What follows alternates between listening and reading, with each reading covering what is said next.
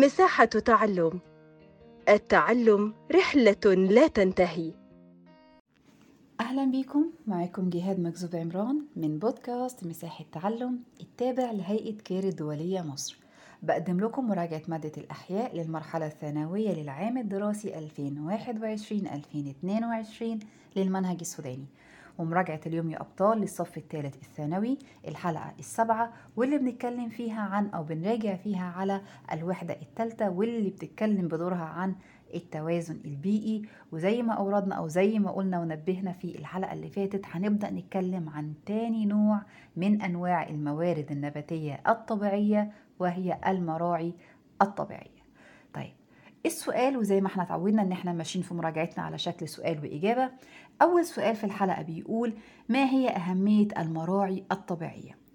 أول أهمية مرعى طبيعي للحيوانات البرية والمواشي. مكان طبيعي بتقدر تتغذى من خلاله الحيوانات البرية والمواشي.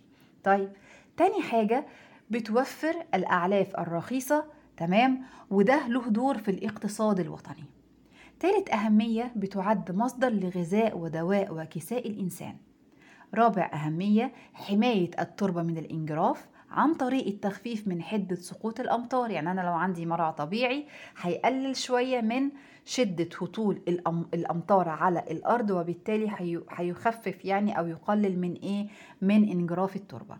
أما خامس أهمية وهي بنقول إن جذور المراعي بتعمل على تثبيت التربة مما يزيد من مقاومة الانجراف المائي والانجراف الريحي يعني إيه؟ يعني الريح ما تاكلش الكساء النباتي ده وبرضو المية ما تغرقش مثلا الكساء النباتي وبالتالي إيه؟ بتحدث عندي انجراف للتربة. أما سادس أهمية للمراعي الطبيعية بنقول إن هي بتزيد من خصوبة التربة. إزاي؟ النقطة دي برضو قلناها في الغابات المدارية المطيرة عن طريق تحلل بقايا النباتات المتراكمة على سطح التربة بواسطة البكتيريا والفطريات المحللة وده بيزيد من محتواها العضوي. محتوى مين؟ محتوى التربة العضوي. يبقى كده أول سؤال معانا اتكلمنا عنه أو اتكلمنا فيه على أهمية المراعي الطبيعية. طيب يلا بينا نشوف السؤال التاني. السؤال التاني بيقول وضح كيفية استغلال المراعي الطبيعية على أسس علمية يعني إيه؟ يعني أنا أبتدي أستغل المراعي الطبيعية دي بس بطريقة علمية إزاي؟ يلا بينا نشوف أول حاجة إن من خلال وجود مراعي طبيعية يعني أنواع كتيرة جدا من النباتات هبتدي إن أنا آخد الأنواع دي وأبتدي إن أنا أحللها لما هحللها هبتدي أعرف معلومات كتير زي إيه؟ أول حاجة معرفة الفلورا تمام؟ ودي بتكون نوع من أنواع النباتات في كل منطقة من مناطق المراعي. والفلورا دي بتعتبر دقائق يعني بتفيد وبتستساغها الحيوانات خصوصا المواشي. تاني حاجة تحليل النباتات. أقدر إن أنا أحلل النباتات لمعرفة القيمة الغذائية لكل النباتات. أبتدي أعرف النبات ده غني مثلا بالفيتامينات. لا النبات ده غني بالكربوهيدرات. النبات ده غني مثلا بالمعادن. وهكذا. تالت طريقة أو ثالث كيفية وهي تحديد الأنواع المستساغة للحيوانات والأنواع المرفوضة. أنا هبتدي ألاحظ أو لأ عندي النوع ده كتير يبقى الحيوانات آه كتير بس قل يعني إيه بيقل عندي؟ أو يبقى الحيوانات بتستسيغه بتحب إن هي تاكله بتفضل طعمه. لكن النوع ده كتير مثلا إيه مش بيقل يبقى النوع ده مرفوض من قبل الحيوانات. الحيوانات لا تستسيغه. طيب ثالث كيفية أو رابع كيفية نتكلم عنها وهي التعرف على الأنواع السامة من النباتات. أبتدي بقى أعرف الأنواع السامة من النباتات اللي ممكن تؤثر بالسلب على حياة الحيوانات. إزاي؟ إن أنا أعرف مدى سميتها يعني مدى تركيز السموم فيها قد إيه. تاني حاجة تركيز المواد الفعالة بيها. تالت حاجة تخليص المراعي منها. يبقى أنا هحدد الأنواع السامة من النباتات هعرف مدى سميتها هعرف تركيز المواد الفعالة بيها. تالت حاجة تخليص المراعي منها إيه ونخلص من شرها ومن إيه ومن ضررها.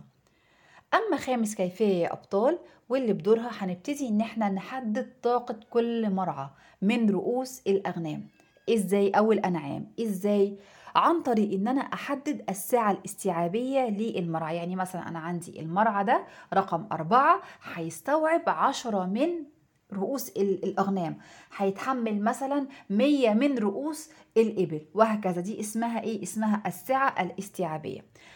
من أجل أو حيث تتناسب عدد الأنعام أو المواشي مع كمية المراعي بحيث لا يحدث راعي جائر إلى اختفاء أنواع مستساغة من النباتات وبقاء الأنواع الضارة اللي قد تكون شوكية أو قد تكون سامة. يبقى النقطة دي عشان خاطر فيها كلام كتير إن هنحدد من خلالها الطاقة الاستيعابية أو السعة الاستيعابية للمراعي. طيب ليها حاجة تانية ليها اسم تاني؟ أيوة تحديد طاقة كل مرعى. إزاي أعرف المرعى ده هيتحمل عدد قد إيه مثلا من الأنعام؟ عشان خاطر هو فيه كم قد إيه مثلا من المراعي. تمام؟ ليه؟ حيث أو حتى لا يحدث عندي راعي جائر يؤدي إلى اختفاء الأنواع المستساغة من النباتات وبقاء الأنواع الضارة اللي قد تكون سامة أو شوكية. طيب سادس كيفية زيادة الموارد المائية لمناطق الرعي عن طريق إقامة السدود الترابية لتوجيه مياه السيول تمام تجاه أراضي الرعي. يعني أبتدي إن أنا أزود موارد المية للأماكن بتاعت الرعي دي. إزاي؟ عن طريق إن أنا هبني سدود ترابية هتبتدي إن هي توجه وت وت وت وتمشي كده مياه الأمطار لمين؟ لمناطق الرعي. سابع كيفية توفير مياه الشرب تمام؟ في جميع أنحاء الرعي واللي بتتمثل في تجميع مياه السهول السيول عفوا وحفر الأبار وعمل الحفاير. تامن كيفية تحسين الغطاء النباتي عن طريق حاجة اسمها الاستزراع الرعوي وهو عبارة عن إيه الاستزراع الرعوي ده؟ زراعة النباتات الرعوية المحلية. إزاي؟ من خلال زيادة تنمية المراعي أنمي المراعي أتخلص من الضار وأسيب ال ال ال ال النباتات المستساغة أوفر موارد مية. حاجة تانية إعادة الغطاء النباتي. تالت حاجة زيادة القيمة الإنتاجية والمحافظة على التربة من الإنجراف. يبقى دولت كانوا 8 كيفيات من خلالهم. يتم استغلال المراعي بطرق علمية سليمة وطرق علمية صحيحة. طيب السؤال اللي بعد كده بيقول كيف يتم تحسين الغطاء النباتي بالاستزراع الرعوي عن طريق نشر البذور مباشرة؟ أبتدي إن أنا آخد بقى إيه بذور النباتات دي وأنشرها. اتنين استزراع أراضي المراعي المتدهورة بالشجيرات الرعوية التي تتحمل الظروف البيئية السائدة. يعني مثلا في نوع من أنواع الأشجار ده بيتحمل درجة الحرارة العالية مثلا وقلة المياه. تمام؟ أبتدي إن أنا آخد الشجيرات بتاعته وأبتدي إن أنا إيه أزرعها وأحطها فين في المراعي بتاعتي دي ومنها برضو الحيوانات بتستساغها. رابع حاجة إنشاء المحميات أو تالت حاجة عفوا إنشاء المحميات المصورة والغير مصورة واللي بدورها بتحافظ على زيادة الكساء النباتي وزيادة البذور. رابع حاجة والأخيرة إدخال أنواع مستوردة من الأعلاف أو من المراعي ذات قيمة عالية مستساغة للحيوانات وتزيد من من الإنتاجية في الظروف البيئية السائدة.